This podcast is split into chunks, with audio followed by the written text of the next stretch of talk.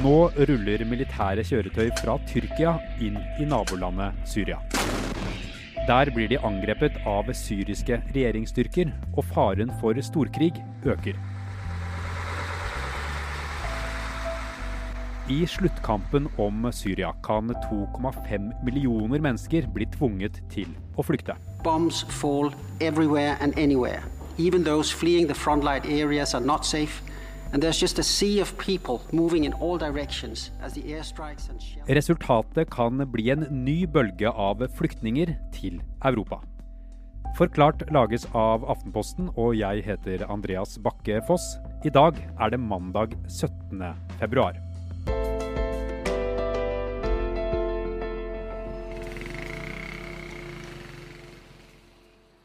Veiene i byen Dana nord i Syria er dekket av rød, gjørmete jord. På rekke og rad kommer lastebiler med store militære kjøretøy. Det er så mange at de blir stående stille i en lang kø. I løpet av den siste uken har tusenvis av kjøretøyer og tyrkiske soldater blitt sendt inn i Idlib. Det er en by som ligger litt lenger sør langs den samme veien. Samtidig kjører lastebiler og privatbiler fullpakket med eiendeler ut av byen. De siste månedene har 800 000 mennesker blitt drevet på flukt i det nordvestlige hjørnet av Syria. Mohammed Yassin sier han ikke vet hvor han skal dra, og at løsningen kan bli å sove under et tre på landsbygda.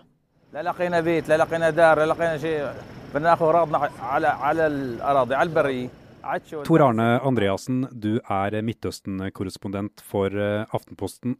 Hvordan vil du beskrive den humanitære situasjonen i Idlib og det nordvestlige Syria nå? Uh, man snakker om at det er tre millioner mennesker i regionen, som, og, og, mange av dem er nå på flukt. I og med at uh, Tyrkia og uh, syriske styrker er i krig der.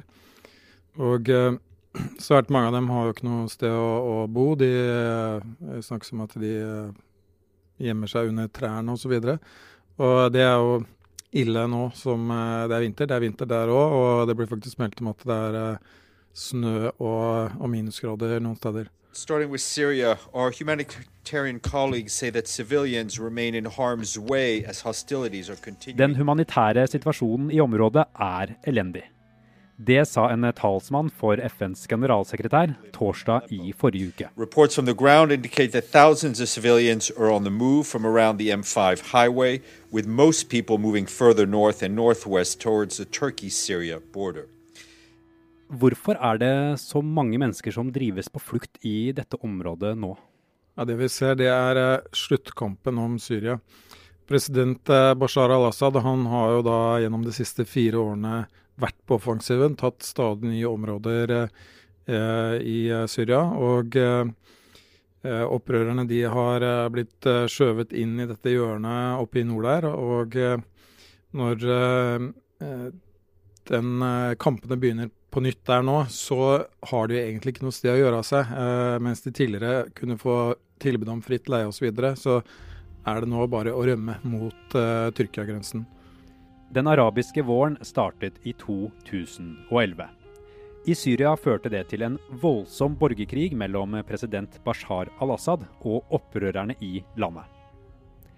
Tyrkia er nabolandet til Syria og de har lenge støttet opprøret mot president al-Assad. Tyrkia har dessuten vært opptatt av å bekjempe terrorgruppen IS, og kurdere de mener er med i PKK. Det er en annen terrorstemplet gruppe i området.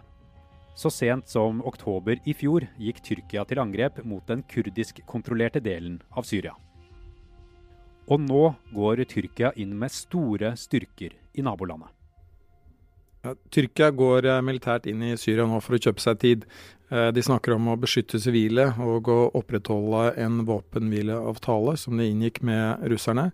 Og eh, de vil beholde kontrollen i de delene av Nord-Syria hvor de er. Og de ønsker å unngå at det kommer flere flyktninger til Tyrkia. Eh, det er allerede 3,6 millioner syrere i Tyrkia, og eh, dette er eh, blitt ganske upopulært i Tyrkia. Og eh, Dessuten så så vi også det at 14 tyrkiske soldater ble drept i trefninger med syriske regjeringssoldater. og Dette har skapt et voldsomt sinne i Tyrkia, og det er mange som roper på hevn på at Tyrkia skal vise hvem som er sjefen. Samtidig som Tyrkia går inn nord i Syria, så kjemper altså syriske regjeringsstyrker seg mot det samme området. De vil ha tilbake kontrollen. Og nå møtes de to landene på bakken. Det gjør at faren for storkrig øker.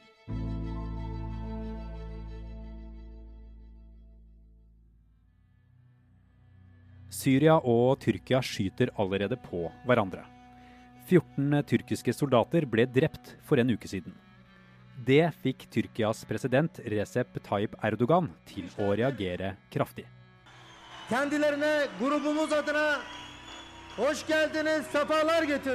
I en tale i den tyrkiske byen Ankara sa han at Tyrkia er klare til å gjøre det som trengs for å presse syrerne tilbake. Şubat ayı sonuna kadar rejimi Soçi muhtırası sınırları dışına yani gözlem noktalarımızın gerisine çıkartmakta kararlıyız. Men i første omgang er målet til syriske styrker å erobre en motorvei. Ja, denne Hovedveien M5 er som E6 e mellom Oslo og Trondheim. Det er den viktigste forbindelsen mellom hovedstaden Damaskus i sør og storbyen Aleppo i nord. Og eh, Som mange husker så ble Aleppo eh, da gjenerobret fra opprørerne i 2016. Men opprørene opprørerne har vært rett i nærheten av Aleppo hele tiden. Og denne veien den har da opprørerne holdt helt siden 2012, altså rett etter at opprøret startet. Og eh, å få kontroll over den veien betyr at man lettere kan få fram både militære og sivile forsyninger. Og det er jo eh, dessuten en stor eh, prestisjeseier for eh, Assad å ta denne veien. Men hva er eh, Bashar al-Assads eh, langsiktige mål i Syria nå? Ja, president Bashar al-Assad har sagt mange ganger at han ønsker å få full kontroll i hele Syria. Eh, regimet hans vaklet jo i begynnelsen av borgerkrigen, men eh, etter at han fikk militær hjelp fra Russland og fra Iran, så har han da kunnet være på offensiven de siste fire årene. Og eh, han har da gitt opprørerne underveis eh, tilbud om fritt leide hvis de bare ville gi opp områdene sine. Nå er det da det siste lille hjørnet som opprørerne holder, som skal tas. Antagelig må han ta det skrittvis, fordi det er en del politiske eh, problemer her. Men eh, han ønsker altså til slutt å ta hele Syria. Ja, Hva er eh, Bashar al-Assads plan helt konkret for å klare å gjenvinne kontrollen over hele Syria? I første omgang så må han jo sikre kontrollen skikkelig over denne M5-veien.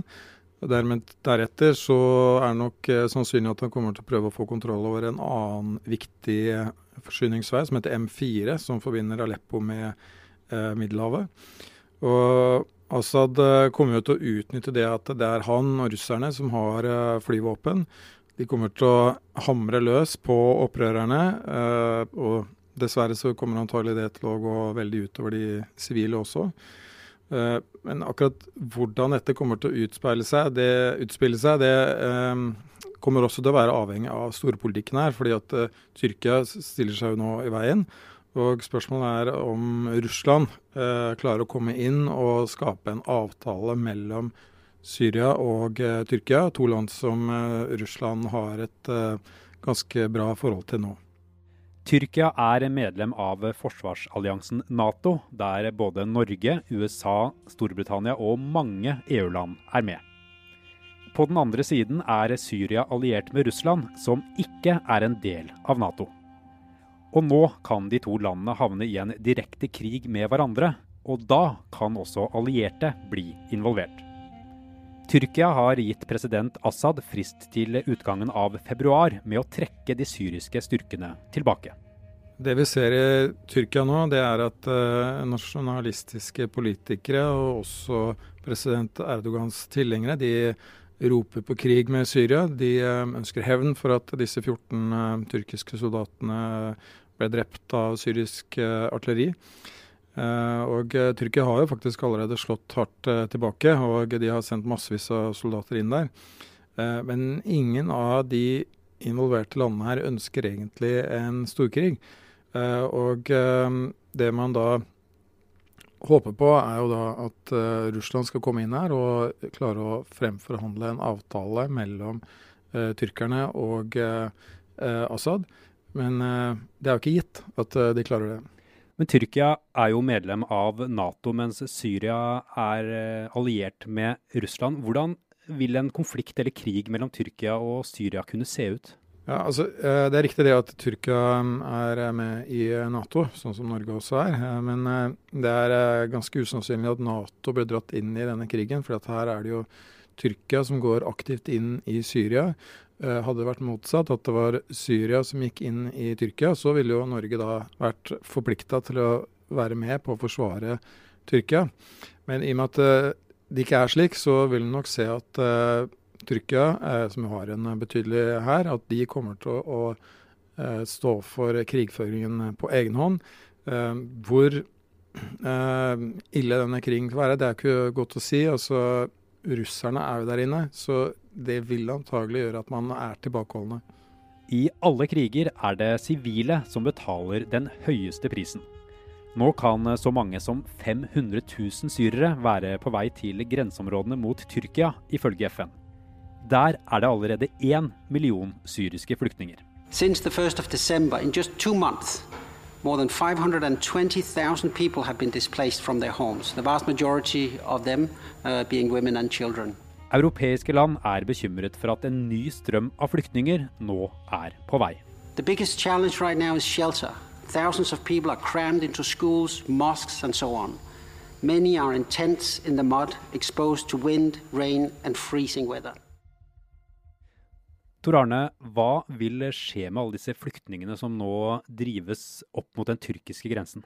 Man har sett for seg tre mulige scenarioer for det. Det ene er at de da kommer seg over grensen til Tyrkia og fortsetter mot Europa. Og Der kan det da oppstå en situasjon à la det man hadde i 2015, med svært mange som kommer samtidig. Noe som kan føre til en stor politisk påkjenning for mange land i Europa. Det andre scenarioet som eh, man ser for seg, det er det tyrkerne eh, ønsker skal skje, nemlig at eh, disse blir plassert i en sikkerhetssone som de ønsker skal eh, etableres inne i Syria, langs grensen opp mot Tyrkia. Det tredje scenarioet er det russerne står for, nemlig at de skal bare fortsette å være der de er, i Syria. At Bashar al-Assad skal innføre et stort amnesti som gjør at de som har gjort opprør mot ham, de skal slippe å bli forfulgt. Og at da folk skal da mene at det er greit å bli boende i Syria. Men får disse flyktningene noe hjelp? Det gjør de uh, til en viss grad, men uh, det vi vel hører er at det er vanskelig å komme til. Det er en krigssituasjon uh, der inne. Det er veldig lite område med mange mennesker som er i nød. Og det er klart at det er vanskelig å komme inn med nødhjelp til et sted hvor det er krigsinnsatser som pågår. Hva gjøres nå for å hindre at det bryter ut en storkrig mellom Tyrkia og Syria? Det er jo særlig um, Russland som er trukket inn i bildet her, fordi Russland har et uh, uh, veldig godt forhold til Bashar al-Assad, samtidig som jo uh, Erdogan og Putin har et godt forhold. Og Det foregår masse møtevirksomhet det, som har pågått hele uka mellom russerne og tyrkerne, hvor man da prøver å komme fram til en eller annen slags ordning. Men foreløpig så har de vært mest opptatt av å skjelle hverandre ut. Så det spørs om russerne har den påvirkningskraften som tyrkerne håper de har.